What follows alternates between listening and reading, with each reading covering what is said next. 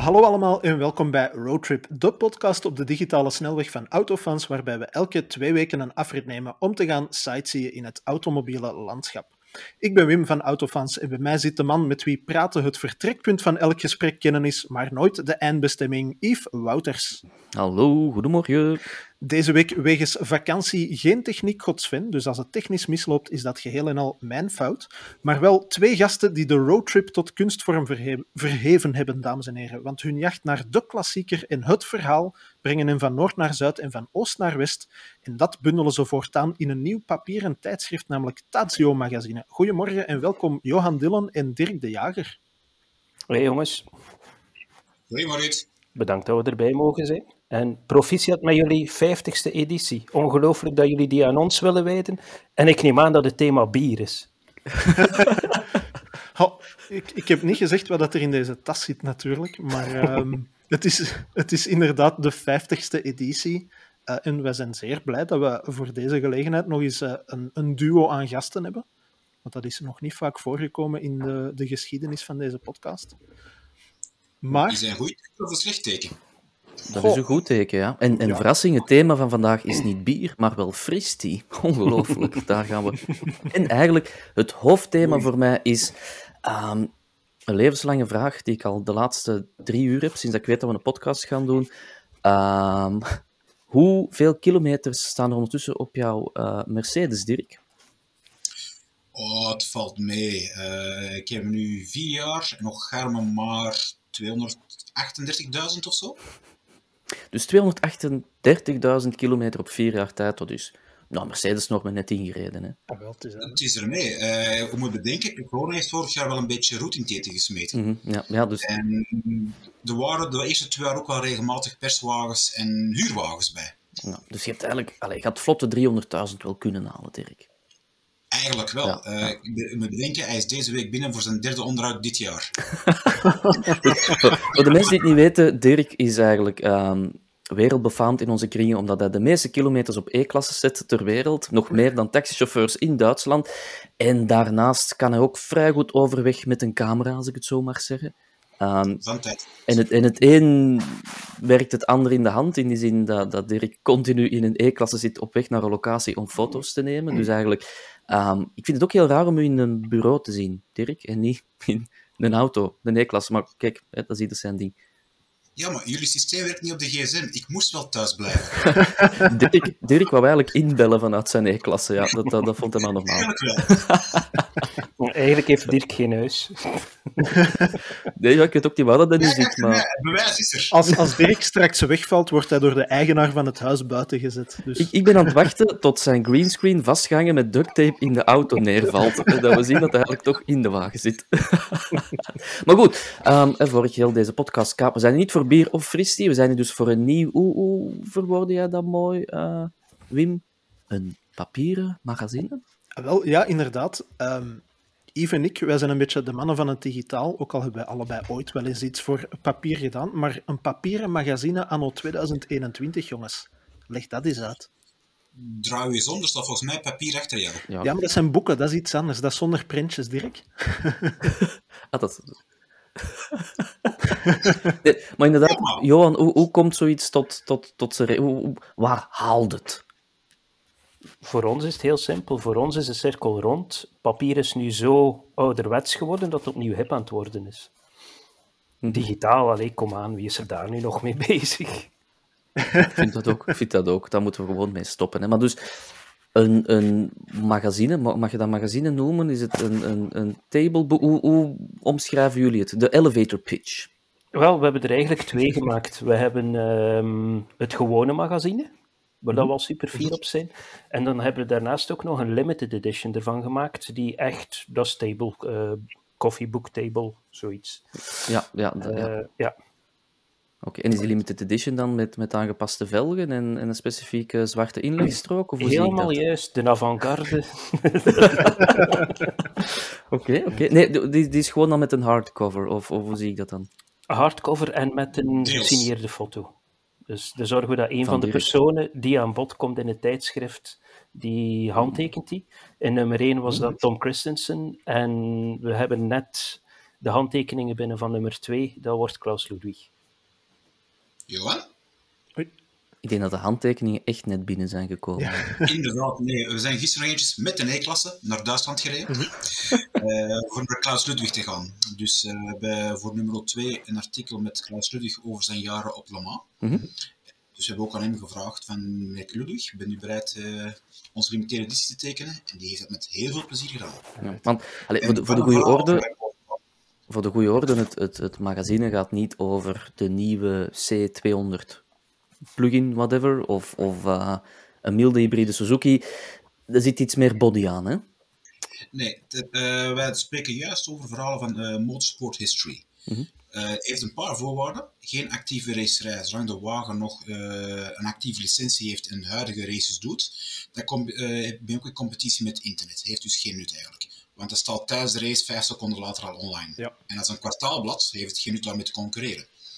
Eh, ook zolang die wagen nog een actieve racerij eh, heeft, kan je nog niet over eh, het verhaal van die wagen schrijven. Kan je nog niet schrijven why this car matters. Uh, what's the value of why is it a collectible? Dat kan je pas achteraf spreken. Ja. En ook no electric shit. That's not racing. Ja, dat snap ik. Is, is dat de snap ik. tagline onder de titel? Dus Stazio Magazine No Electric Shit? Of, eh, Dat was even de kanshebbers. Ja, gemiste kans. Gemiste kans eigenlijk wel, ja. Dat is een goeie. Dat is een goeie. alright. Nee, voor ons, eh, wij hebben altijd gehamerd op de kwaliteit van de verhalen. Ja. Eh, het maakt soms niet uit wat de wagen is. Eh, dat kan een goedkope klassieker zijn, dat kan een heel duur zijn, dat kan heel zeldzaam zijn, dat kan iets heel or- normaals zijn. Het gaat om verhaal. Ja. En één droe, in de racingwereld heb je gewoon veel meer verhalen dan here's another fucking E-type. Oh, die heeft iets zelf gezegd, nu kunnen we hem niet pesten. Oh, wat anders. En, dus je wou kwalitatieve verhalen. ehm, hoe kom je dan bij Johan terecht? Want ik, ik weet niet, hoe- Hij tolereert mij.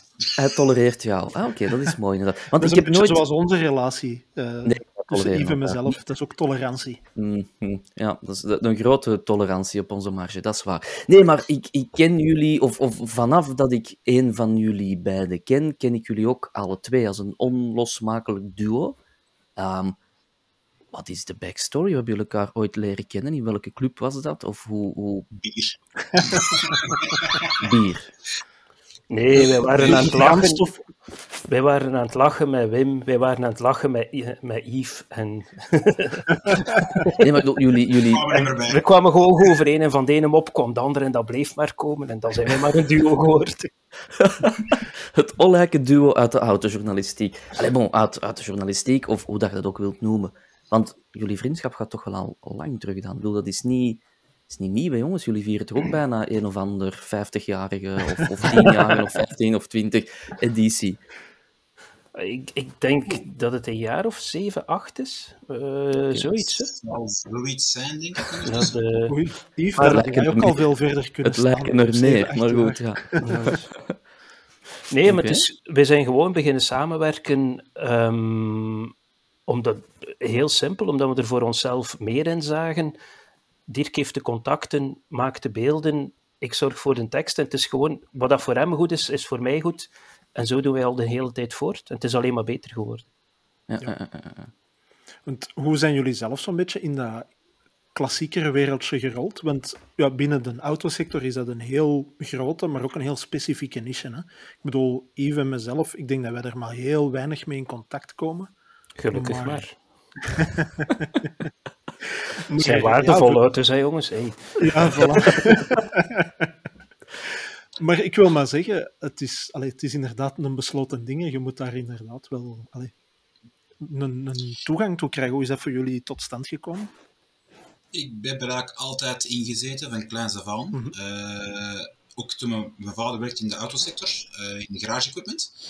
Dus ik ben van kleins af aan al in garages geweest, waar mijn vader eh voor werkt, eh materialen levert, ik zal het zo zeggen, machines, bandenmachines. En daar zaten ook altijd mensen bij met klassiekers. Eh, ja, ik heb altijd op de vintage van Spa gezeten, de vintage van Zolder, dat is zelf aan een buggy. En ja, dan ging ik ook een keer met de mensen mee, met de nieuwe wagens, maar ook met de klassiekers. Mijn ouders hadden zelf een voorliefde voor de jaren 50, jaren 60. Dus die gingen ook altijd naar klassieke evenementen. Dus dat is met de paplepel letterlijk ingegeven. Alright. Dus uh, toen ik, ja, zo ik een rijbewijs had, was dat naar klassieke evenementen gaan. Uh, makkelijker naar daar gaan dan naar de moderne racerij. Ja. Uh, zodra ik kon, naar Pebble Beach gaan. dus ja, ik ben nu sinds 2004 bijna elk jaar op Pebble Beach geweest, buiten dit jaar, mm -hmm. omdat nog niet mochten vliegen. Ja. En zo was ik ook daar geweest dit jaar. Mm -hmm. Dus ik heb nu één editie gemist sinds 2004. Dat is een schone staat van dienst. En voor Dus jou? ja, Het eh, verhaal rond de oldtimer is eigenlijk puur door Dirk extra beginnen rollen bij mij. Ehm, Daarvoor was het vooral de nieuwe wagens en zo zijn wij eigenlijk ook begonnen. Ik geloof de eerste keer dat wij samen op pad gegaan zijn was voor een nieuw model van Zagato, als ik me Ah, ja. nog goed herinner. Ja. En met dat Dirk eigenlijk steeds meer aan het vertellen was over die oude auto's. Die hebben bij mij altijd al. Ik ben er altijd al in geïnteresseerd geweest, maar het was door zijn contacten vooral dat dit voor mij, dit leek zoveel interessanter om over te schrijven dan waar de nieuwe autosector naartoe ging. Dat we, ik ga niet zeggen dat ik daarop uitgeschreven was, maar dat was niet meer interessant. Ja, ja, ja. Want voor de goede orde. Zeg dat maar wel. voor de goede orde, Johan, je had al wel een kleine collectie oldtimers, toch? Je bedoelt op 1,43ste, ja, dat klopt. Ja. Dat, eh, nee, en daarnaast ja, heb ik ook altijd wel eh, ja, een collectie begint met ene zeker. Dat, eh, Voilà, al-. Ja. dat, dat is er altijd wel geweest, maar dan spreken we nog over tijden dat dat allemaal nog betaalbaar was en dat dat hobby kon zijn. Ja, dat is allemaal wel aan het veranderen. Hè. Maar heb je dan nu niks meer in de garage? Of? Ja, ja, ik heb nog twee auto's in de garage staan en niets rijdt. Ah ja, maar dat, dat, is, dat is toch het, het- ja, zo begint toch elke collectie van oldtimers. Maar Ja. goed, en is het nog Ja. altijd de, de, de Volvo en de Ferrari? Ja, inderdaad. De Volvo Oké. 850R en de Ferrari Mondial. Eh, Ja, die staan te wachten op betere tijden. Qua autocollectie kan dat ook tellen, hè? Die gekocht heeft. Wat zei Dirk? Dat was ook mijn schuld dat hij die gekocht heeft. Ah, De, de Volvo. Nee, nee, nee. Nee, nee, nee, nee. nee. De, de, de Mondial, vertel daar eens meer over. Want in mijn geheugen of mijn referentiekader is het altijd zo'n beetje het, het, eh, het stiefkindje van de Ferrari-geschiedenis. hè? Dat maakt het ook eh, net interessant. Ehm, eigenlijk was ik op zoek. Ja, nee, nee, maar Je, eh, je valt, je eigenlijk valt weg, ik. Johan, maar we kunnen dat wel knippen in de podcast. Dus misschien Ja. kan je hernemen van het begin waarom het het stiefkindje is. Ja. Eh, de Mondial, eigenlijk was ik op zoek naar een 308 GT4. Eh, Ik ben ontzettend zot van dat dashboard, zo echt een Le Mans-style dashboard.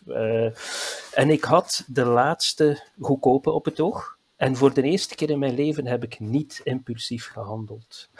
En met mensen die er iets van weten, naar, met de auto, naar de auto gaan kijken, gaan rijden, fantastische mechaniek. Maar de carrosserie was niet helemaal goed. En dus dacht ik, ik ga met een die er iets van kent afkomen. Ah ja, en op het moment dat ik wil instappen met een diene, krijg ik telefoon. Je moet niet meer komen, hij is verkocht. Nooit meer zo'n auto gevonden. Dus volg nooit uw eigen raad, doe impulsief. Ehm, maar op dat moment had Dirk ook al wel gesproken van, je moet een keer naar de Mondial kijken ook. En ik dacht, ja, die kent er hier ook weer veel van. Dus je moet een keer naar de Mondial kijken. En dan zijn we met een gaan rijden. En dat was echt een eye-opener. En heel stom kwam ik er in Gent ook een, hoorde ik van twee straten ver afkomen. En ik dacht, eigenlijk, dit is toch wel iets. En daarom heb ik er toch maar beslist van, eh, van er een te kopen. En geen moment spijt van gehad. Het is een heerlijke auto om mee, om mee te rijden. Toen waren mijn kinderen nog klein. Je kunt daar met vier echt in een schone lange rit maken. En die V8 is, is prachtig. Die balans is geweldig. Dat is zo'n misbegrepen auto. En het begint nu een beetje te komen dat mensen ook beter begrijpen van... Ay, De lijn wordt ook beter met ouder worden. Eh, Die kan alleen maar meer waardering krijgen. Ja. Nee, maar bijvoorbeeld, bekijk die achteruit, die concave achteruit, dat, dat is de max. Dat, eh, die auto heeft zoveel aspecten die, die echt magnifiek zijn. Ja, goed, er bestaan mooiere Ferraris, er bestaan betere Ferraris, maar dit is echt wel een misbegrepen. Hetzelfde verhaal als de Dino vroeger ook, niemand moest dat hebben. Want, ja, met dezelfde achteruit eigenlijk, ook van stijl. Dus juist, ik zie de parallellen wel, ze. Zeg maar, je zei net, er bestaan betere Ferraris. Bestaan er mechanisch echt betere Ferraris doorheen de decennia dat Ferrari bestaan heeft? Zijn er echt Ferraris waarvan je zegt van, die zijn nu... Ja. Met heel veel Ferraris. Uh, Dirk uh, kan daar beter in overpakken waarschijnlijk. Maar je hebt heel solide motoren en voor de rest, zolang dat er niet veel elektronica in is, valt dat eigenlijk, ay, kunt je daar heel goed mee zijn. Maar je moet natuurlijk wel, je moet ze wel wat verzorgen. Ja. Dat is met eender welke klassieker. Eén roe. Uh, de meeste mensen denken, ah, ah, ik heb vorig jaar op onderhoud geweest en ik heb hem maar 500 kilometer gereden. Ja, dat is het probleem. Ja. Kijk, maar 500 of 300 kilometer mee gereden, die moet terug op onderhoud. Ja. Uh, dat is niet alleen met Ferraris, dat is met elke klassieker. Dat is elke, met elke carburator. Uh, als dat niet rijdt, dat er niet onderhouden wordt. Je bent beter elke twee maanden even een half uur te gaan rijden. uh, op 50 kilometer, alles warm draaien. Als je dat doet met een collectiewagen op een jaar tijd, en misschien een tank verbruikt, wat maakt het uit? Ja. Nee, maar op de lange levensduur van die wagen en de gebruiksbaarheid komt dat gewoon beter uit. Die wagen is veel beter als je regelmatig rijdt. Ik heb het regelmatig met klantenwagens dat we eens een keer naar buiten halen voor een shoot of voor gewoon preparatie voor een evenement. Ja, de eerste kwartier, als je een juiste onderhoud gaat, je merkt dat gewoon. Als er een dag later terug mee rijden, die wagen komt terug losser, die voelt gewoon beter, rijdt terug leuker. Ja. Waar hij stilstaat, is een probleem. Ja. Dus Dirk is ook de eerste om, om uh, tegen mij te zeggen dat ik een goede job heb gedaan om een 20 jaar oude SLK te kopen met 310.000 kilometer natuurlijk. Tuurlijk. Voilà, voilà, dat zal ik wel horen. Oké, dit was de podcast voor deze week. Tot... Marcheert, marcheert, marcheert. maar werkt, werkt, werkt, beter dan ooit. Werkt beter dan ooit. Is een van de meest ondergewaardeerde Mercedes'en, Mercedes van de laatste decennia. De eerste generatie SLK. Dus... Uh, ik denk dat dat echt wel een future Het is niet dat ik hem wil verkopen of zo, maar ik denk het, echt wel dat dat Het is niet dat je al elke podcast tot nu toe daarover begint en probeert uit te zoeken hoeveel dat hij eigenlijk nog waard is. Aan nee, de prijs is... Ik, ik merk dat de prijs aan het... Het is nu de moment om in te stappen. De prijs is aan het stijgen, ongelooflijk. En nu wil het toeval dat iemand die ik ken er een verkoopt, zeg. Ongelooflijk eigenlijk, maar... Jij. Yves, ja. kun je even opnieuw beginnen? Ja. Ik was u kwijt achter. Dirk is de eerste om te zeggen dat. En daarna heb ik het niet meer gehoord. Oh, ben je, ben je helemaal, ben je helemaal kwijtgeraakt? Ja, het mooie ik heb er niets van... De... Het wat? de, de, de meest mythische auto, de, de laatste auto getekend door de man die verantwoordelijk was voor onder andere de 190 en zo. Hm, denk daar maar eens over na. Ah, en toen is Mercedes helemaal... Nee, dat is ook niet waar, maar... Ja, nee, dus Hoe zit het eigenlijk bij u, Dirk? Staat er naast een E-klasse nog iets in de garage of op de oprit? Of, uh... Ik ga gelukkig de sleutels van mijn klanten stelen. Ah, dat is slim. ja, want wat, wat, ik begrijp, Dirk onderhoudt hij ook uh, klantenauto's, hè? wagens is uh, niet bepaald aan de goedkope manier. Ik heb wel veel wagens gerateerd dat ik soms spijt van ik ze niet gekocht heb. Mm -hmm. Dan krijg ik eraf van, mannen, zo'n prijsstijging voor dat, zwanzolen? Ja. Iets wat er nooit gaat gebeuren met een Mercedes SLK. Iets toch goed te zeggen. Ik heb een paar Fulvia's gerateerd dat ik zeg echt echt wel spijt van heb. Ja. Uh, ook omdat ik op een gegeven moment een Fulvia Berlina niet gekocht heb, die toen juist omhoog was gegaan. Allee, omhoog. Het was 100% omhoog gegaan. Dat was toen nog een grap dat ik die prijs uh, nu vergelijkt. Mm -hmm. Maar ik heb toen nooit met een 1200 Berlina gereden. Een half jaar later heb ik er een in uh, Upstate New York meegegeven van een kameraad. En dan zeg ik van, fuck. En toen was ons tussen weer al gestegen. Ja. En nu zeg ik van, zwaan ze gewoon hè, voor die prijs. Ja.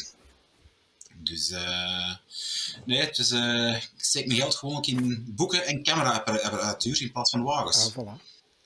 Dus uh, daar steekt ook wel wat van geld in. Maar ja, ik heb wel één garage, maar geen tweede. Ja. Daar zijn we aan het werken, hè. Ja, maar dan moet het wel een groter gebouw zijn. Uh, want dan moet er niet uh, meer dan één wagen in kunnen. Zijn we ook aan het werken. ja. nu, um, dus. de, de, de wereld van de classic cars, ik zei het er straks al even, voor mij is dat een beetje een, een vreemde wereld in die zin, ik ben daar niet helemaal in thuis.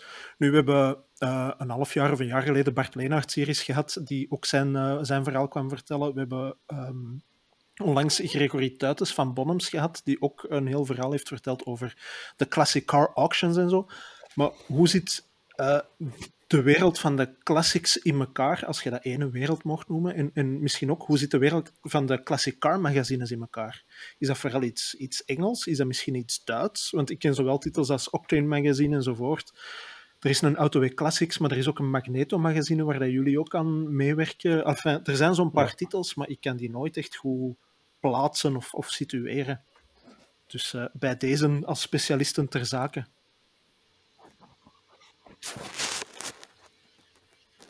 Johan? Die vraag ja. kwam binnen. ik heb weer geen antwoord. Uh, nee, je hebt eigenlijk in elk land meer specialisatiemagazines. Mm -hmm. uh, de meer groter gekende zijn oftewel uh, de Britse. Die natuurlijk al een grote marktdominantie hebben overal een beetje. Het nadeel van de Britse magazines, ze zijn heel Brits. Ja. Ze kijken echt naar hun eiland. Uh, ze blijven voornamelijk op hun eiland. Mm -hmm. it's Britain first, zullen we maar zeggen. dat doen ze maar al te graag. Wij zijn een van de weinige duo's die ook Europese verhalen bij de Britse magazines geplaatst krijgen. Uh, soms komen ze wel eens naar Engeland voor een evenement uh, met een persuitnodiging en we zullen wel eens hier doen.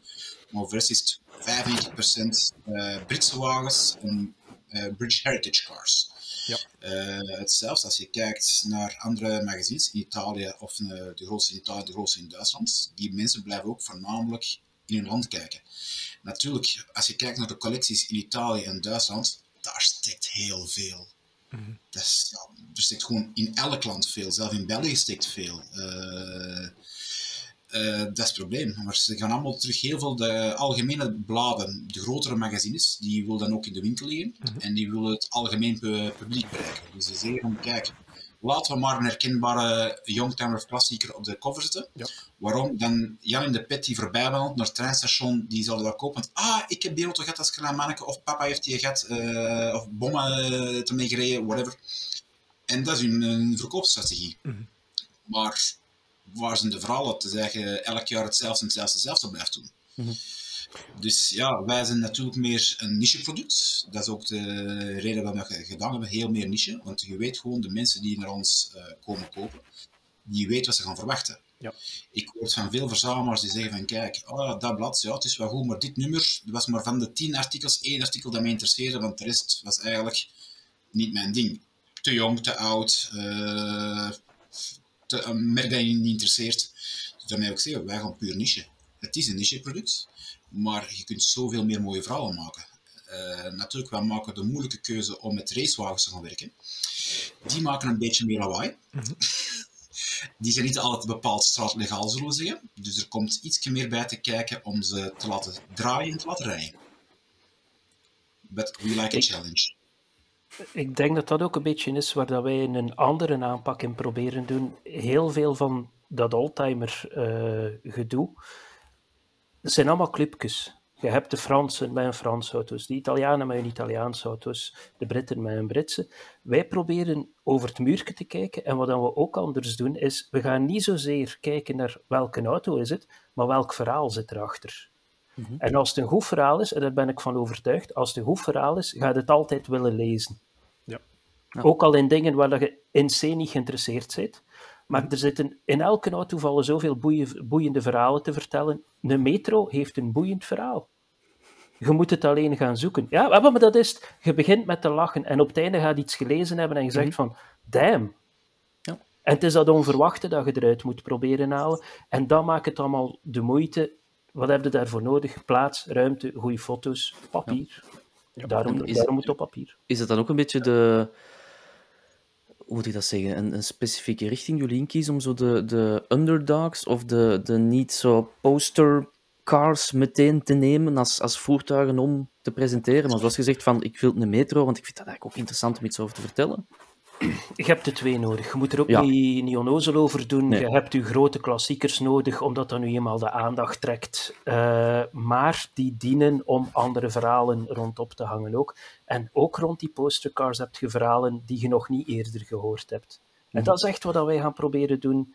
Van niet zozeer... In, allee, gelijk nu ook, gisteren heeft Klaus Ludwig ons weer wat dingen verteld die we nog nooit gehoord hadden. Ja. En het is Ja. gewoon het verschil zit in dat contact. Praten met, praten met mensen over auto's. En Mhm. daar komen nu goede verhalen uit. En het verhaal moet niet altijd de wagen zelf zijn. maar, eh, eh, het gaat niet specifiek om die wagen waar we mee gaan rijden. Eh, die wagen is een tool voor een verhaal op sommige momenten. Ja. Eh, kijk maar, we hebben een groep B-verhaal, nummer 2, eh, dat volgende maand uitkomt. Ja, daar gaan veel mensen van verschieten. Als ze dat lezen, dat is gewoon een award-winning verhaal. Ja, we hebben een wagen geschoten op een bepaalde plek. Maar de wagen is de in het verhaal, maar het is niet het hoofdverhaal. Ja. dat is ook de insteek dat je merkt. Hè. Als, als er iets vertelt over classic cars, dan kan heel vaak gaan over hoe rijdt je een auto? En dat lijkt me dan meer in te spelen op de markt van mensen die geïnteresseerd zijn om er een te kopen. Hè, dat ze dan een beetje naar die hun mond praten van hè, daar moet je op letten, die versies zijn er geweest, whatever. En dan heb je de verhalen waarbij dat, zoals gezegd, een auto gebruikt wordt als object, maar dat er dan bijvoorbeeld een heel verhaal wordt opgehangen over de ingenieur dat ervoor zorgde dat er vijf feestjes gebruikt werden in die carburateur in plaats van vier, en dat dat het grote verschil was op Le Mans. Ik zeg maar iets. Ja, veel van die wagens waar we nu mee gaan omgaan, uh, die zijn niet bepaald altijd te koop. Of er zijn er zo weinig van gebouwd, dat een aantal mensen en die het kunnen betalen, ja, die, die zijn gewoon zeldzaam. Mm -hmm. uh, het is vooral, wat is het verhaal? Ja. Uh, kan je de wagen kopen? Soms wel, soms niet. zijn er misschien op de markt? Ja. Van de 50 misschien 5. Um, hoeveel miljoen? Dus ja, wij zijn geen uh, blad die maken van, kijk, zo rijden en dan dit moeten kopen. Die wagen bedoel ik. Hè. Ja.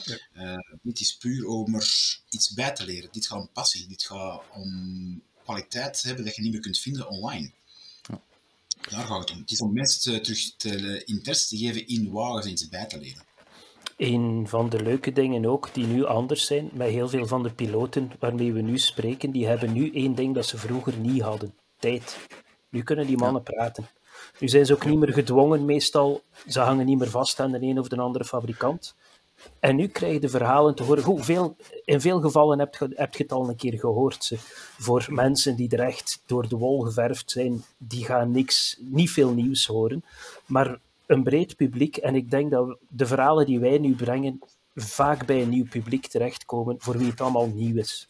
Ja. En dan hoort je dingen over tijden, ja, al die groep B-verhalen zijn. Ja, als je alleen maar dat bekijkt, dat is geweldig.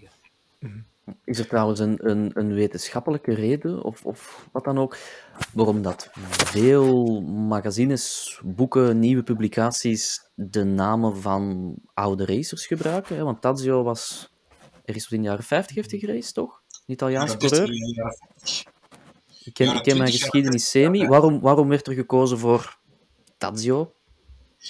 Heel simpel eigenlijk. Het is een van mijn favoriete piloten ooit. Mm -hmm. een van de grote helden. Maar ook uh, omdat we een Engelse DC en een Duitse DC doen, moesten we een naam hebben dat in beide talen werkt. Ja. Duitse namen in het Engels, ja, dat gaat gewoon niet. Uh, een Engelse naam in het Duits, dat is ook vaak moeilijk. en als we focussen op racingverhalen, de mensen die echt wel racing-minded zijn, als je zegt Tazio, ik heb 20, 30 mensen ervoor gesproken, en die gingen allemaal van Nuvolari. Ze begrepen het allemaal recht waar we naartoe gingen. Dus daardoor begreep ik ook onmiddellijk van uh, wat we gaan bedoelen, wat onze verhalen zijn. De mensen die het niet weten, ja, lees het blad, leer. En educeer jezelf. Uh, maar ja, Tatio, dat is een naam die werkt in elke taal. Ja. ja, we hebben Yves geprobeerd, maar dat ging nergens. zonde, zonde. Dat, ja, dat werkte alleen in Huist op den Berg. En...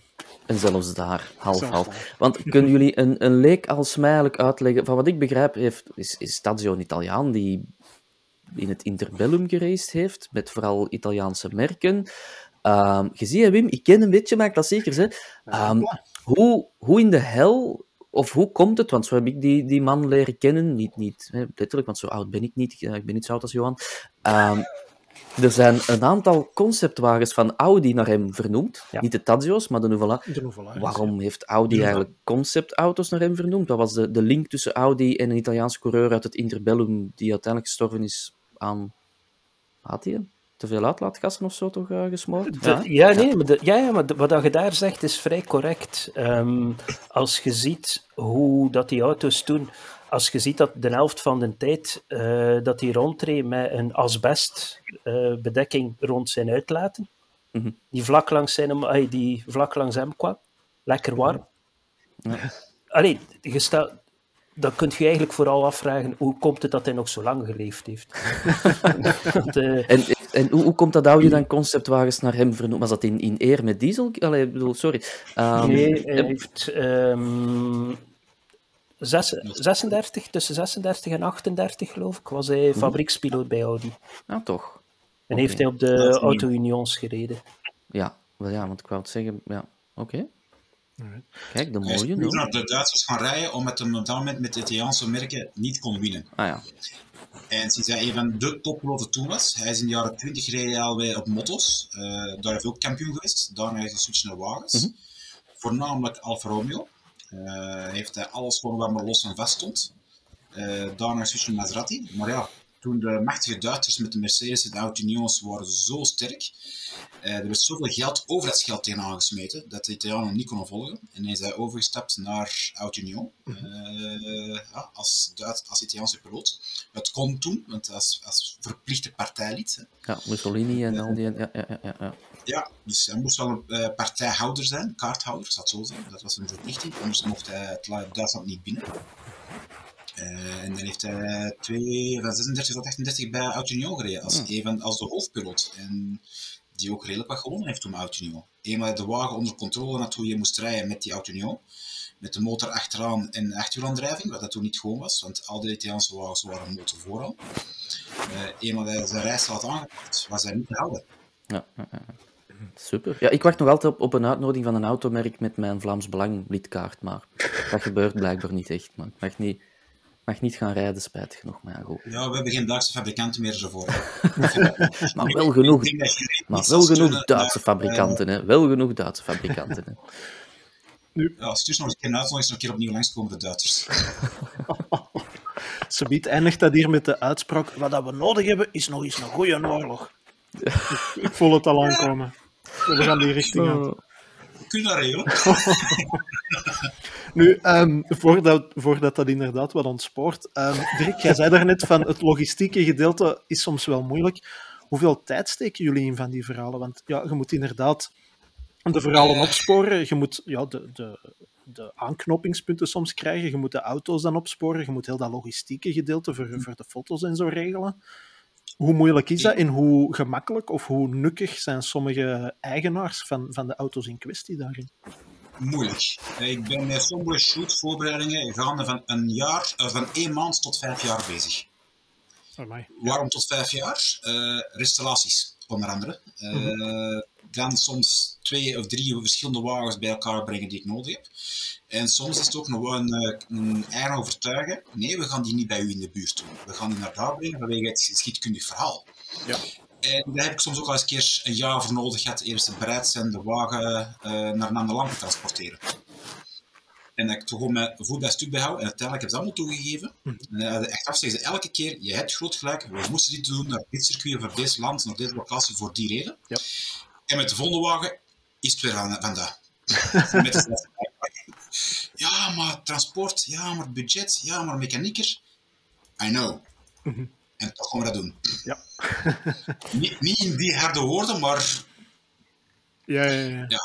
Maar, maar het, is wel, het is wel een feit dat dat ehm, bij momenten moet je daar, je moogt je daar niet op focussen, want dan stopt je er gewoon mee.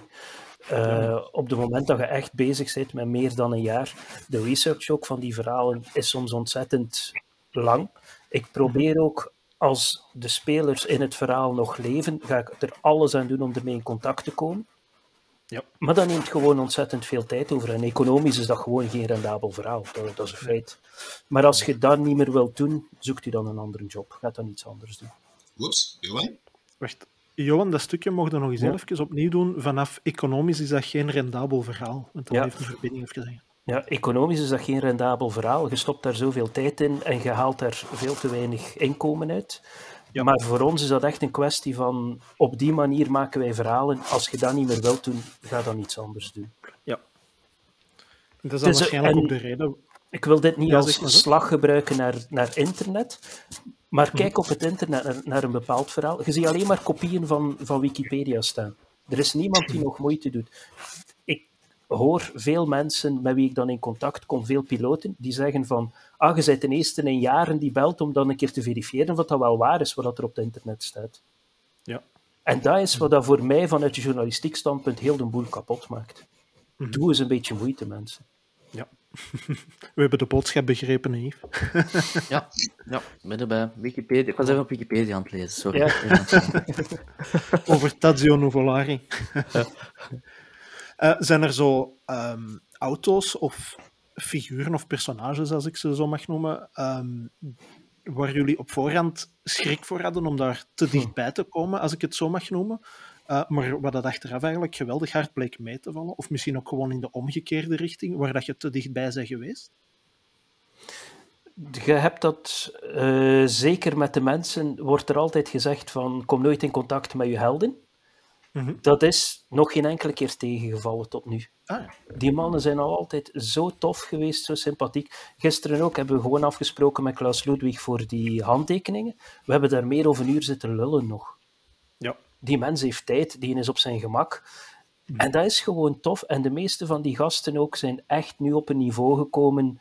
Ja, die kijken er niet meer naar. Die hebben geen agenda meer met 17 persconferenties erachter nog. En dat is een heel andere wereld. En dan merkte ook dat al die helden, dat dat ook maar gewone toffe mensen kunnen zijn. Dat is heel plezant. Ja, ik kan me dat een beetje voor de geest halen. Allee, natuurlijk in, in, met veel minder ervaring dan jullie natuurlijk. Maar een paar jaar geleden ben ik op een presentatie Hans-Joachim Stoekis tegengekomen. En ik vond dat zo'n toffe opa. Allee, dat was echt zo een waarvan je zegt van...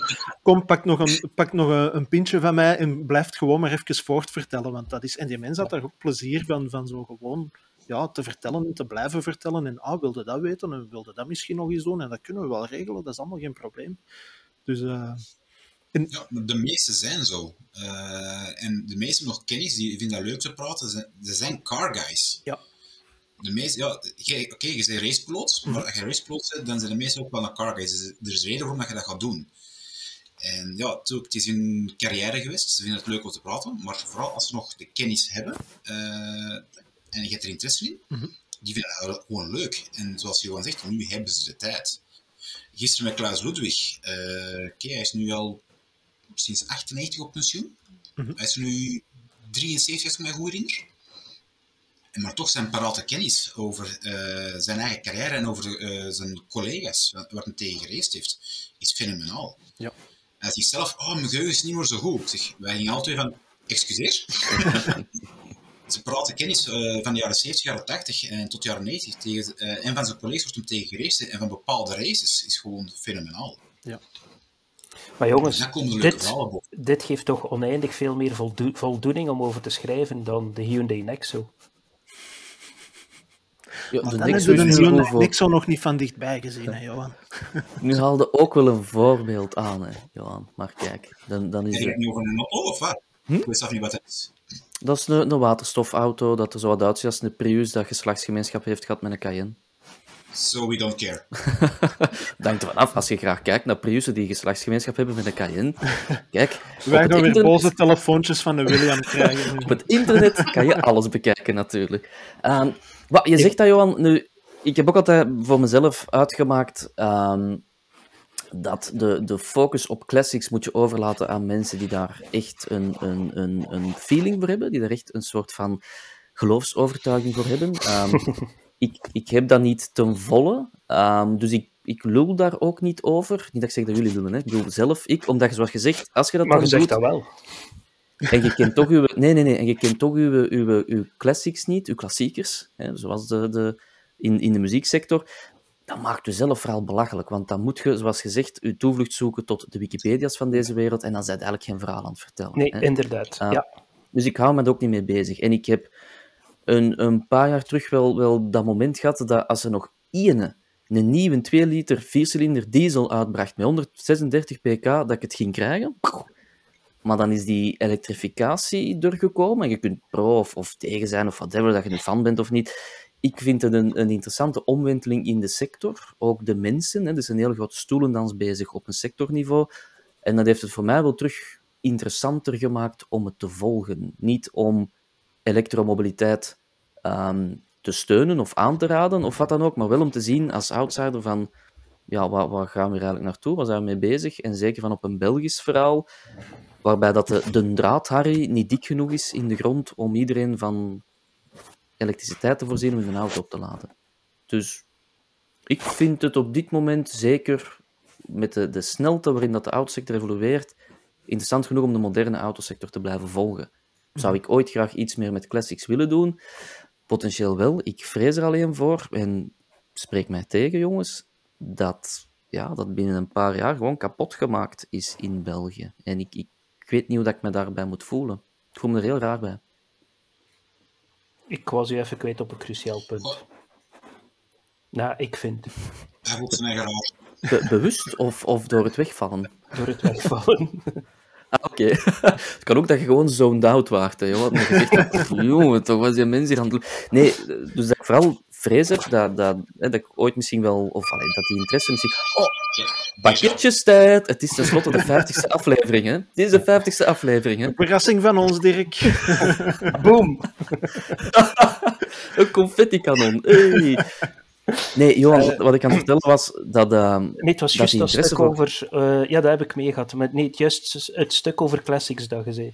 Helemaal op. Wel ja, dat, dat die interesse er misschien ooit wel komt, maar dat ik vrees dat tegen dat, dat het aan mij is, of dat die, die interesse groeit, hè, want ik ben nu zo al lichtjes vervallen in het Youngtimer-verhaal, ehm, dat het gewoon niet meer gaat kunnen in België, dat het gewoon stuk gemaakt is. Ja. Door.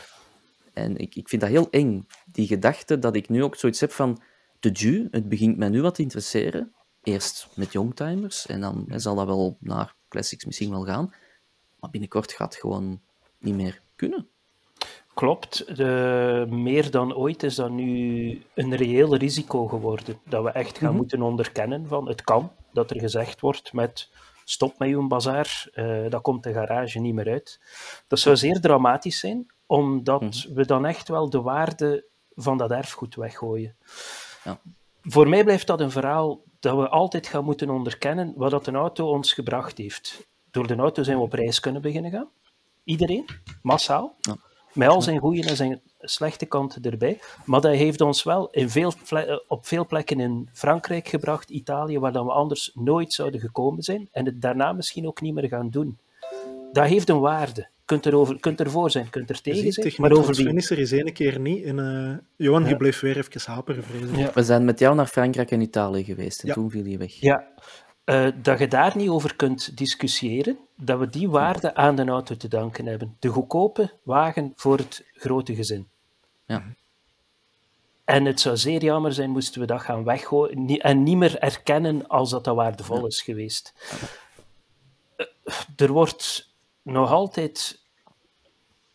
Wat je gemiddeld ziet, iemand die met een oldtimer rijdt, rijdt maximum 2000 kilometer op een jaar. Het is ook niet het grote aan, dat zijn niet de grote aantallen. En zolang dat je daarin blijft kaderen, vind ik dat je toch altijd moet...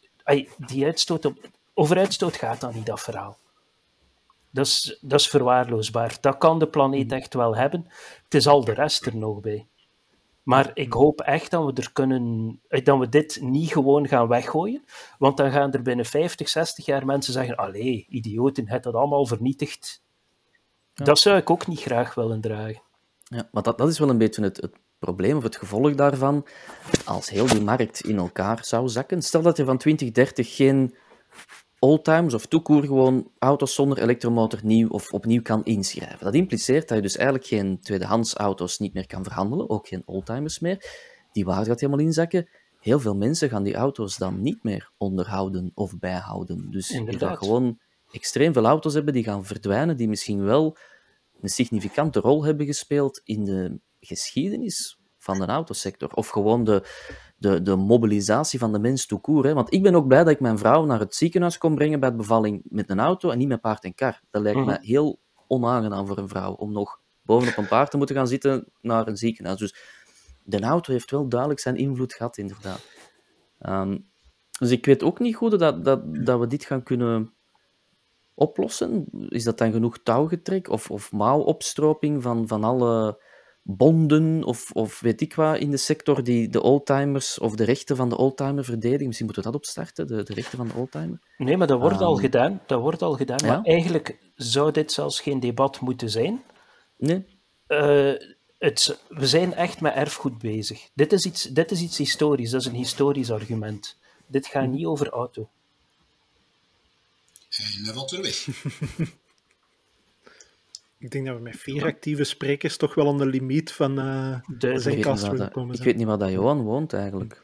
Johan, um, kun je nog eens even hernemen vanaf dit is een historisch argument? Ja, ik denk dat mijn paard is uh, de wifi-molen weer. Het is de kat die is met de, de kabels Ja, stel je voor. Ja. Nee, dat is een historisch argument, ja. Ja, ja, ja. En ik denk, Yves, je zegt het nu over de, over de youngtimers. Ik denk dat dat nu al bezig is. Ik denk dat we heel veel auto's op het storttalent gooien zijn, waar dat we spijt van gaan krijgen. Dat je merkt van, oei, we vinden dat niet meer. Ja, dat wordt nu allemaal buitengezwierd, uh, ver, naar, naar de schroot opgeleid, uh, terwijl het er wel nog goede auto's zijn. Mm -hmm. Ja, dat maar is ook, dat is ook. Heel even is uh, advocaat van de duivel spelen liever. Ik denk dat ik het antwoord wel al ga weten hoor, maar als je zegt, Johan, van dat is erfgoed waar dat je mee bezig bent, dan kun je niet zomaar weggooien. Um, zouden dan als tegenargument niet kunnen krijgen van, maar ja, zet dat gewoon in een automuseum. Dan staat het stil, dan stoot het niks uit en dan kun je er nog altijd naar gaan kijken. Kan het nog altijd worden onderhouden. Ja, dat zou net ik denk het dat weet. Hè? Ah, wel, voilà. Een auto moet rijden. Uh, is bedoeld als een mobiliteitsinstrument. Mhm. En het zou dan ook zeer jammer zijn. Ik kan het wel begrijpen. Ik zou dat ook kunnen begrijpen dat we daar naartoe gaan.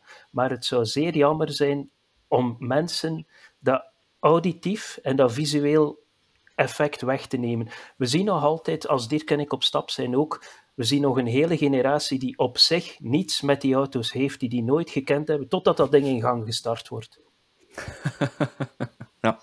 ja. Het is een grote punt. Ik ben zelf, uh, dat ik eerder vermeld heb, door mijn ouders opgegroeid in de jaren 50, jaren 60. Ik ben zelf meegegroeid naar de jaren 30. Uh, eh, waarom? Ja, van naar evenementen te gaan. Maar ook op een gegeven moment dat mensen zeiden, kom, je moet eens mee gaan rijden met een wagen van de jaren 30.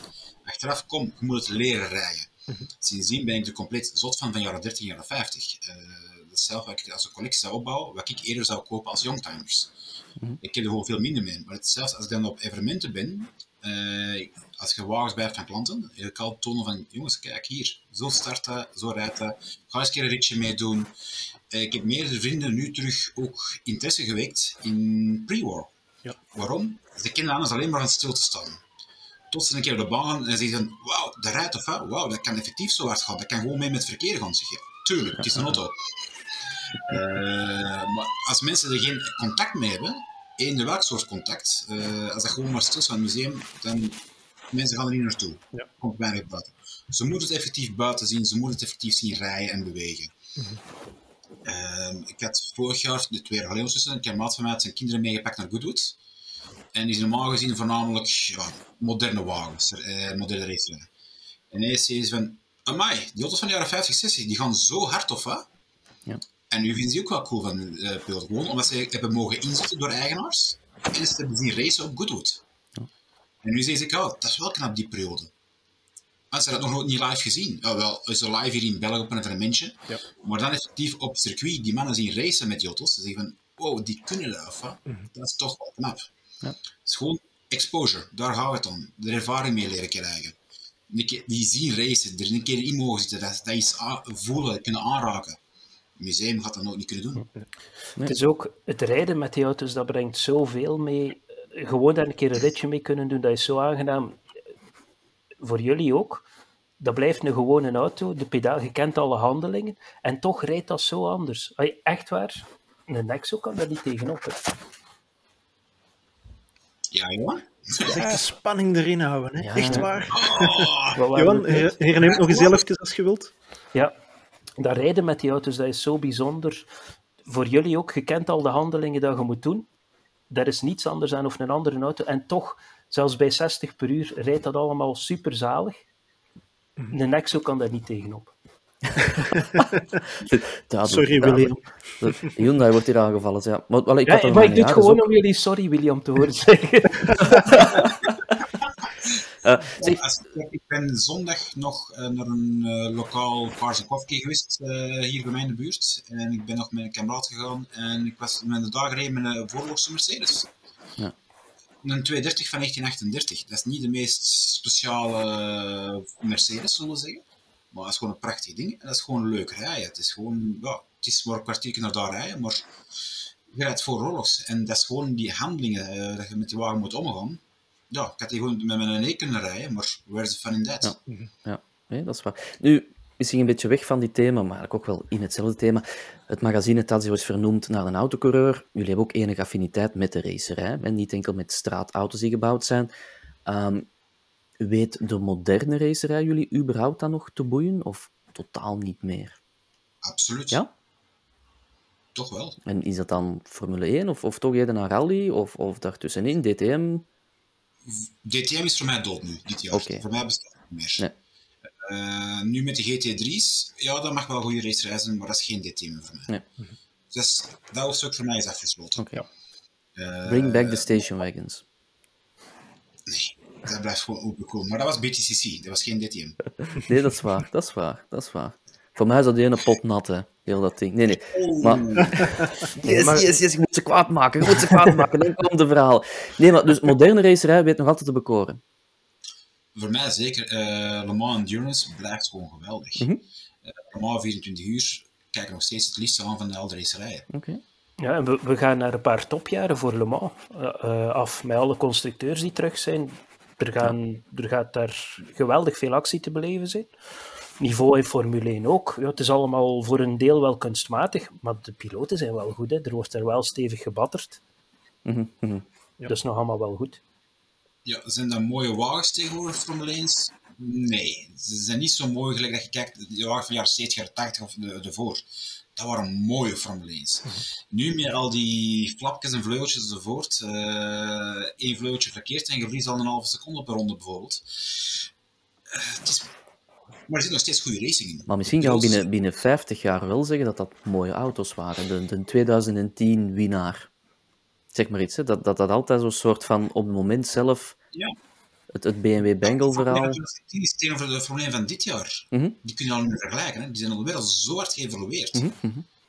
Als je Formule 1 bekijkt van eh jaren 2000 eh, tot 2010, ze zijn al minder mooi voor mij, Mhm. maar er zijn nog knappe wagens in. Je ziet er nog echt meer de formule in. Nu is het allemaal vleugels en noem maar op. Ze zijn nog niet meer zo mooi. Is dat indrukwekkend? Als je er een dichtbij die staan, als je er eentje in een garage staat, ja, dat is indrukwekkend. Ja. Dat blijft gewoon gaaf. Het is een racemachine. Het is, ge- het is purpose built for it. En hoe, hoe, Maar ik zie liever de racing dan, eh, dan de wagens. Ah ja, oké. Want, want hoe, zie, hoe zie jij dan het, het, ja, de, het huidige rallykampioenschap komende van groep B naar wat het nu is? Is dat voor u iets dat dan nog, dan nog zo het spark something, die, die rallyauto's die nu meerijden, die, die hatchbacks met, met een, een ranzige spoiler op, dat ook Kenny om de blok zou doen? Maar, Eigenlijk, de moderne rally volgt nog amper. ja. Dus als je kijkt, ja, vroeger, oké, eh, vroeger met groep B's, ja, het was levensgevaarlijk. Maar ook, ja, dat waren stages van hoeveel kilometers? Dat waren gewoon echt lange stages, dat waren echt eh, attackeren voor een uur en langer. En nu is het allemaal korte sprints eigenlijk. Ik volg de moderne rally volg niet meer zoals vroeger, ik zal het zo zeggen. En, en hoe, zit, hoe zit dat bij jou, Johan, eigenlijk? Als ik nu naar de rally kijk, het niveau van competitie vind ik ongelooflijk. Die, dat is nek aan nek, heel de tijd. Mhm. Als ik, ik vind het heel jammer dat Ieper niet behouden is op de, op de WK-kalender. Ik vond het een heel goede toevoeging. En naar het talent van die gasten, ik blijf dat fantastische kerels vinden. De auto's zijn iets minder, inderdaad. Eh, denk ik zullen nog iets minder worden, omdat ze nu echt... We gaan met heel zware rallywagens gaan rijden. Ik snap daar het punt niet zo goed van. Nou, de, Om, omdat het hybridisatie is, hè? ja. Maar, ja, Oh ja, maar dus dat is 250 kilo erbij. Ja, dat is ja geen goed nee, teken. dat is waar. Nee, dat is Spreekt- geen goed teken. In heel dat debat spreekt er niemand over hoe zwaar dat die auto's geworden zijn. Dat mag 2 ton en een half wegen tegenwoordig. Je moet een keer Mhm. rijden echt met een auto met een 1100 cc van 700 kilo. De- Zo'n barquettatje Italiaans, je gaat nooit met zoiets goed gereden hebben. Alright. Misschien over naar eh, wat lichtere onderwerpen. Ehm, Dirk, jij bent ook bijzonder Cavia's. actief in de wereld van de... Eh, in de wereld van de concours d'elegance en zo. Je hebt er straks zelf Pebble Beach aangehaald, maar voor het gewone volk uit Borsbeek, zoals ik, of uit Heist op den Berg, zoals de Nief, is dat een heel gesloten wereld. Maar beschrijf dat voor ons eens. Hoe, hoe gaat het eraan toe op zo'n concours? Drugs, drugs. Nee, sorry. nee. Dat zal wel. Don't know. Viagra. Ja, nee. Ik zie veel van de leeftijd van de mensen, dus... Uh... Nee. Um, het is een gesloten circuitje natuurlijk. Ik heb altijd gekozen voor een concours te gaan, voor heel simpele reden. Het is een van de weinige momenten dat je met uh, de wagens kan zien, heel speciale wagens. Mm -hmm. Ze komen anders vaak gezien de wagens niet altijd meer buiten. Pebble Beach is natuurlijk de grootste speler ter wereld. Uh, dat is de nummer 1 in de, in de, qua level van concours. Mm -hmm. Als je daar een wagen geshot hebt, mag die 10 jaar niet meer terugkomen. Ah, ja. tenzij, tenzij invitation for special display without judging. Ja. Dus, maar ja, het is natuurlijk, hoe meer je het kent, het is een gesloten wereldje, het is een speciaal wereldje. Maar het voordeel is, mensen hebben tijd. Mm -hmm. Je kan met de mensen klappen. Uh, dus als je toegang tot de collectie wilt uh, genereren en contact wilt opbouwen, ik heb altijd verkozen naar de topconcours te gaan. Waarom? Ze staan soms twee, drie dagen vast. Dus mensen willen klappen. Ze kunnen niet ontsnappen aan u. Je hebt ze vastgepind. maar ook, ja, ik, uh, ik doe concours management voor verschillende privéverzamelaars. Mm -hmm. uh, dus ik ben zelf deelnemer geweest met meerdere wagens in Europa en in Amerika. Uh, het voordeel is, als je dan met een wagen meedoet, dan zit je helemaal ertussen. En dan opent weer meerdere deuren. Ja. Dus, en, ja, zo kan je natuurlijk heel goede en zeldzame wagens vinden die je anders nooit toegang tot, tot kunt krijgen. Ja. Nu, jij was ook een van de drijvende krachten achter het uh, Isolation Island concours d'elegance, als ik mij niet vergis. Hè? Ja, dat klopt. Wat, wat, wat was daar het idee achter? Want ik vond dat echt een waanzinnig tof idee. Ik denk, Johan, je hebt ook meegedaan, denk ik, of, of een inzending ja. gestuurd. Ja, klopt. Uh, dat is, ik heb dat samen met mijn Amerikaanse kameraad Andy Reid gedaan, mm -hmm. uh, die ook voor Tasio schrijft, als ah, ja. onze MarketWatch uh, journalist. ik heb Andy leren kennen mijn eerste jaar in Amerika, de eerste dag op Laguna Seca in 2004. Ja. Sindsdien is hij een van mijn beste kameraden. we bellen ook meerdere keer per week. wij gaan ook vaak samen op stap over heel Amerika. Hij heeft zelf ook goede contacten met verzamelaars, dat doe ik al jaren in de, in de sector. Uh, maar ja, in één keer was de lockdown. Iedereen zat vast thuis. En de vraag is, now what? Mm -hmm. We're fucking bored. uh, dus ja, als... Ja, er kwamen al andere initiatieven, uh, een soort van online concours met echte wagens, maar dan zijn ook, ja, het werden gewoon foto's gebruikt van de wagens die al tig jaar oud waren, dus je zegt niets nieuws. Dus wij zien ook, ja, ik, we kennen veel mensen zelf ook te verzamelen van echte wagens die allemaal schaalmodellen hebben. Uh, ik heb er zelf een paar honderd hier staan. -hmm. uh, dus ja, op een gegeven moment zijn, waarom maken we niet gewoon met schaalmodellen? Het is ook een heel grote aparte wereld, maar ook veel echte verzamelaars hebben ook allemaal schaalmodellen van, van de wagens die ze hebben, of willen hebben, of gehad hebben. Uh, dus zeker, waarom doen we niet een concours? En alle foto's moeten nieuw zijn. Ja. Het mogen geen fabrieksfoto's zijn, het mogen niet uh, wat andere mensen online deden. Was van, ja, ik, zeg, ah, ik heb hier een foto van mijn wagen, uh, virtueel, die foto is tien jaar oud. Dat is niet zelfs, hè. Nu wisten we dat er echt engagement kwam van de mensen, omdat ze het nu aan het maken waren, specifiek voor het deelnemen. Mm. En we kregen wel gekke reacties op, tot sommige mensen die wel heel ver gingen om de uh. Maar het was, het was ook, als ik me niet vergis, redelijk gespecialiseerd. Hè? Want er waren verschillende schaalcategorieën dan. Dus je hebt dan 118, 143 enzovoort. Maar dan ook binnen die verdeling waren er ook nog nee, specifieke klassen. Uh, we hebben geen uh, op de schalen gemaakt. We hebben gezegd welke die schalen mogen meedoen. Mm -hmm. Maar dan hebben we gewoon van, wat zijn de categorieën?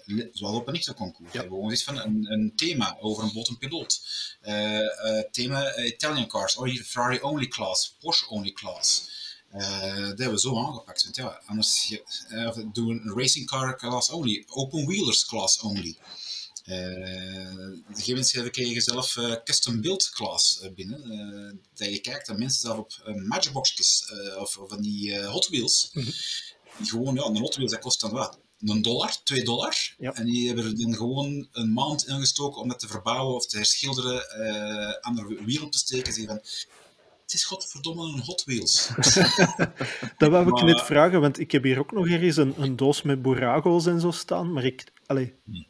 Ah, wel, ik zie het aan de reactie, dat zal waarschijnlijk niet echt een grote kanshebber geweest zijn.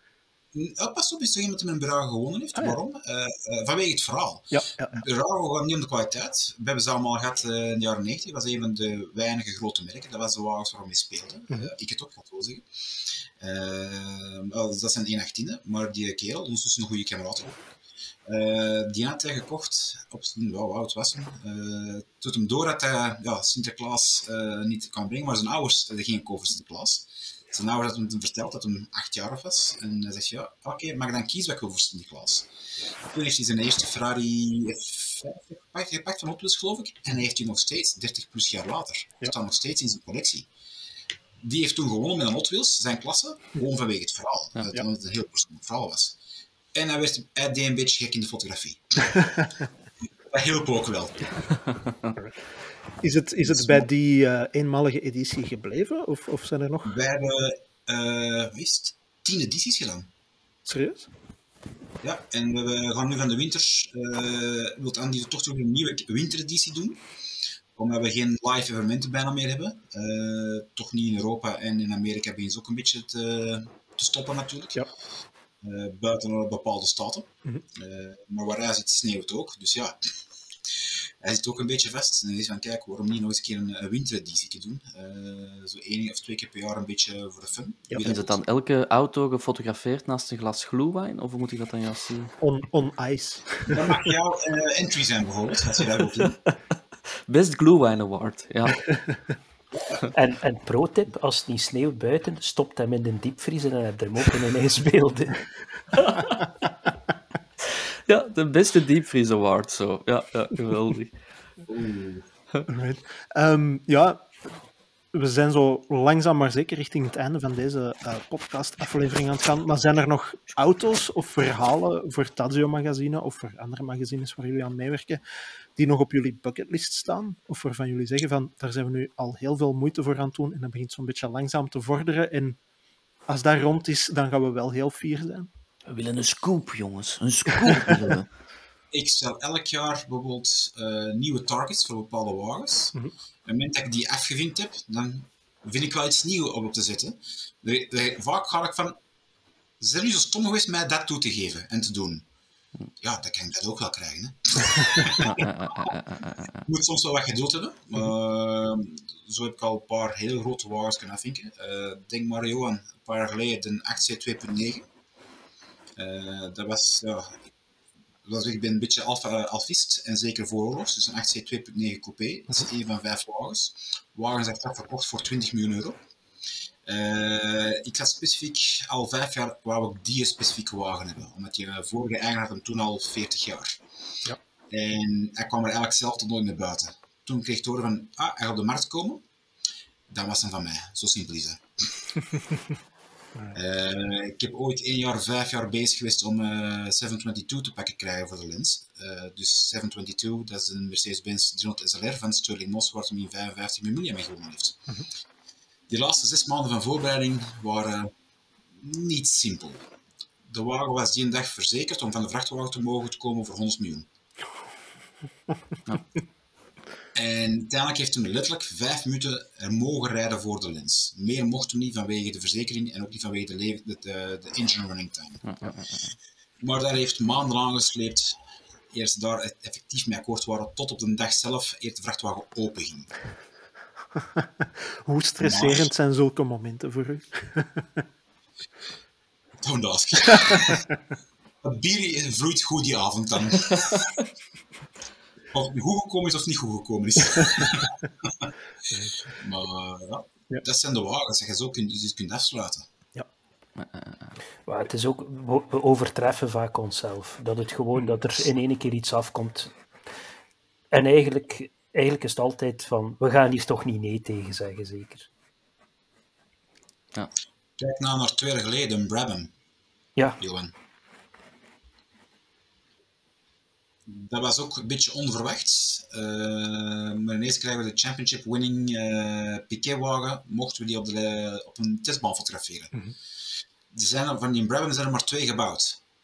Eén is rijdend. Werd juist rijdend gemaakt. En dat was de rollout. En we mochten er onverwachts heel laat met een zware push toch bij zijn. Op een klein testcircuit uh, car doen met een Formule 1, met een voormalig Formule 1 plot achter stuur. dat je op u een halve meter van de koffer hangt. It's fucking cool. dat neem ik aan. Um, Ja, dan zijn we eigenlijk aan het einde van deze podcast. Ik wil nog heel even afsluiten. Meestal hebben we een afwisselend rubriekje, ofwel een defenestratie, waarbij dat ik een dilemma voorschotel, waarbij dat je tussen twee mild irriterende dingen, waarbij je het meest irriterende ding het raam mocht uitflikkeren, of Dat de tweestrijd, dat is een beetje kill your darlings. Ik wou zeggen, je, je had uh, tussen jullie twee dan moeten kiezen. trouwens. Kom op, jongens. Kom op. Johan probeert altijd uit de koffer te zwieren. Dus, uh, denk ik Maar de, de maand Maar van de ik- mentale weerbaarheid was toch vorige maand, dacht ik. Ja, ongelooflijk eigenlijk. Ja. Misschien moeten we de move tegen pesten terug introduceren hier. eh, in Stip deze it. podcast. Stip it, jongens. Maar eh, het is deze keer een tweestrijd geworden, dus een beetje de kill your darlings. En die is voor Johan. Want ehm, ja, ik heb begrepen dat jij naast Classic oh, Cars ook nog altijd een grote interesse hebt in wielrennen en fietsen. Dus moet Iedereen een maakt van de twee... Moest je een van de twee achterwege eh, moeten laten, wat houd je over en wat, waar neemt je met pijn in het hart afstand van? Ja, dat is een hele pijnlijke, eh, dat geef ik Ja? wel toe. En dat zullen de auto's zijn. Ehm, Toch? Het fietsen heb ik heel hard nodig voor mijn mentale gezondheid. De mentale weerbaarheid. Ja, Ja. Dat, dat is echt ehm, een maand zonder auto's, daar heb ik geen verschijnselen van. Twee weken zonder fietsen, dan ben ik niet meer aanspreekbaar. Ah, ja. Ja, ja. Ja. Oké. Dus Dat dat is is, niet verwacht, Wim, eigenlijk. Nee, dan wordt het ineens weer zo zwaar. Hè? En ik wou Dat is een reactie dat ik niet verwacht had, eigenlijk. Maar oké, Fiets, fietsen. Ja. ja, Alright. Nee, voilà, perfect te verdedigen. Dan, er hangt ehm, nog een plan voor een fietsblad aan dat bord. Yes. Maar dan, dan mogen we waarschijnlijk niet meer de naam gebruiken van een historische wielrenner, want dat bestaat al, denk ik. Dat bestaat al, hè. Ja, voilà. Ja. En bonen klinkt, bonen klinkt nu ook niet zo goed, natuurlijk. of zo. Ik maar denk dat dat in IGP Heist op den berg gaat goed. marcheren. Bonen, bonenmagazine. nu, nog voor de goede orde, Wim, voordat je afslaat en dat we allemaal onze middagbokens kunnen eten. Ehm, het magazine, Magazine, waar Dat wou ik inderdaad vragen. Waar, waar is het verkrijgbaar? Waar Eh, bestellen we dat online? Ja. Voor een deel in onze webshop op thasiomagazine.com. Eh, je kunt het bij Bart kopen op waf.be, in Nederland bij autodocumentatie.nl. Eh, en we zijn nog met heel veel andere online winkels bezig ook. Dat, eh, Maar dus de verspreiding is puur online inderdaad, omdat wij zo'n specifiek product hebben, als wij naast een dag allemaal moeten liggen in de gazettenwinkel, dan verliezen wij elke dag van de week. Dat heeft geen nut. Nee. Nee. Inderdaad. Oké, oké. Nee, dus momenteel werken we voornamelijk met specialisatiezaken eh, in meerdere landen. Allemaal gespecialiseerd in, in de autosector, logisch. Eh, dus we hebben België, Nederland, eh, Duitsland, twee in Frankrijk, Italië, Portugal. Dat zijn ze juist komen. Alright. Eh, ik heb er al twee in Californië. Ik ben eentje in New York bezig, eentje in eh, Connecticut, eentje in eh, Colorado nog bezig. Dus, eh, en ik ben mee met in Japan aan het, pra- praten nu. En er was ook een, een link met Argentinië, als ik me niet vergis. Ik heb daar al langs iets van op Facebook zien passeren. kunstenaar. Dus de man die onze covers maakt. We hebben ook besloten om het toch meer niche zijn, dat we toch niet in de algemene boekwinkel liggen. Ik haat drukke covers. Johan ook. Eh, dat is niet mooi. Eh, vijf foto's op een cover zetten om aandacht te trekken. I hate it. Ja. Eh, dus ik heb gewoon gezegd, we gaan gewoon voor een kunstwerk over het hoofdartikel. We laten er elke keer specifiek maken naar ons, voor naar onze verhalen. Voilà, vakkundig Deze gebracht. zoeken. dus dat is de limited die Johan vast heeft. En dit hier is alles. Alright. Dus laten we gewoon een kunstwerk maken en de kunstenaar die we gebruiken, die is in Argentijn. We hebben die twee jaar geleden in Ritmobiel uh, zijn stand gezien. Uh, we liepen voorbij en gewoon trok ineens aan mijn hemd. Stoppen, kijken! En we gingen alle twee van, dat wil ik hebben, dat wil ik hebben, dat wil ik hebben, dat wil ik hebben, dat wil ik hebben. Uh, zijn kunstwerken, ja, we zijn altijd een beetje verliefd op horen. En we hebben dan gewoon met die, toen we met het idee kwamen, hebben we gewoon een bridge gestuurd via Facebook of via Instagram. Zeg, by the way, kunnen we eens bellen? Wij willen dit doen. Zou jij voor ons onze in-house uh, art, artist willen zijn? En ik van, ja, we hebben overeengekomen. Dus we maken nu voor ons de schetsen, uh, de covers. Het is gewoon een artistieke uh, insteking, ja, dat ik wel veel mooier vind. Het is niet de eerste keer dat dat gebeurd is. In de jaren 60 is er ook al gebeurd, gedaan. Maar het komt gewoon mooier, eleganter over. Ja. Meer designers en rustiger. Ja. Het is een, een, een echt coffee table magazine. Zeker de limited edition. Voilà. Maar dus, de, eigenlijk is dat niet de bedoeling geweest. We zijn heel blij dat mensen dat ervan maken, maar wij Mhm. hebben gewoon echt geprobeerd om een mooi tijdschrift te maken dat je niet direct terug neerlegt. Een keer dat je het vastpakt, blijf je erin bladeren. En Ja, voor ons Daar was het eh, heel simpel de bedoeling, we willen gewoon terug hoge kwaliteit brengen. Ja. Zowel in papier als feeling, Mhm. eh, bring back the enjoyment of reading, daar komt het eigenlijk op neer. Eh, de meeste magazines, ja, het, zijn het is vloedpapier, laten we eerlijk zijn. De, de meeste bladen ze worden niet meer bijgehouden. Ze verdwijnen de papiermand in, of ze gaan iemand anders gegeven worden. Dit is de bedoeling dat je iets pakt, dat je kunt, je tijd kunt nemen voor te lezen, daarmee ook een quarterly, dat de mensen tijd hebben om te lezen. Mhm. Het gewoon zeggen kijk, ja, ik ga vanavond of morgen of binnen twee weken nog eens een stuk lezen, de artikel nog lezen. En je houdt het bij, Ja. als collectible. Daar komt het op neer. Hetzelfde. We brengen niets nieuws uit. We gewoon gezegd van, geef beter minder foto's, maar hogere kwaliteit foto's. Mhm. Zelfs is een tekst, is nu 2000 woorden, is nu 3000 woorden. We don't care. Dat is het verhaal. Ja. Die een plek geven. Is het dan 14 bladzijden of 18 bladzijden? Dan is dat 14 bladzijden of dan is dat 18 bladzijden. Maar geef eh, plek aan de tekst en geef plek aan de foto's. Zorg gewoon dat de kwaliteit hoogstaand is. Daar gaat het om. Alright. Voilà. Ehm, ja, dan rest er mij alleen nog eh, één ding, eh, Dirk en Johan, en dat is om jullie waanzinnig hard te bedanken voor het eh, ruime uur dat jullie voor ons hebben vrijgemaakt vandaag. Yves, eveneens bedankt voor de aanwezigheid. Dit was roadtrip voor deze week. Over twee weken zijn wij er opnieuw. Vind je leuk wat we doen? Vertel het gerust voor. Deel de link naar deze podcast enzovoort. Dat was een opdracht van Techniek Godsven die ik nog even helemaal achteraan de uitzending erbij moest plakken de like, subscribe en share als het ware. Uh, dus roadtrip voor deze week. Bedankt voor het kijken, voor het luisteren en tot over twee weken. Bye bye. Dag. Bye.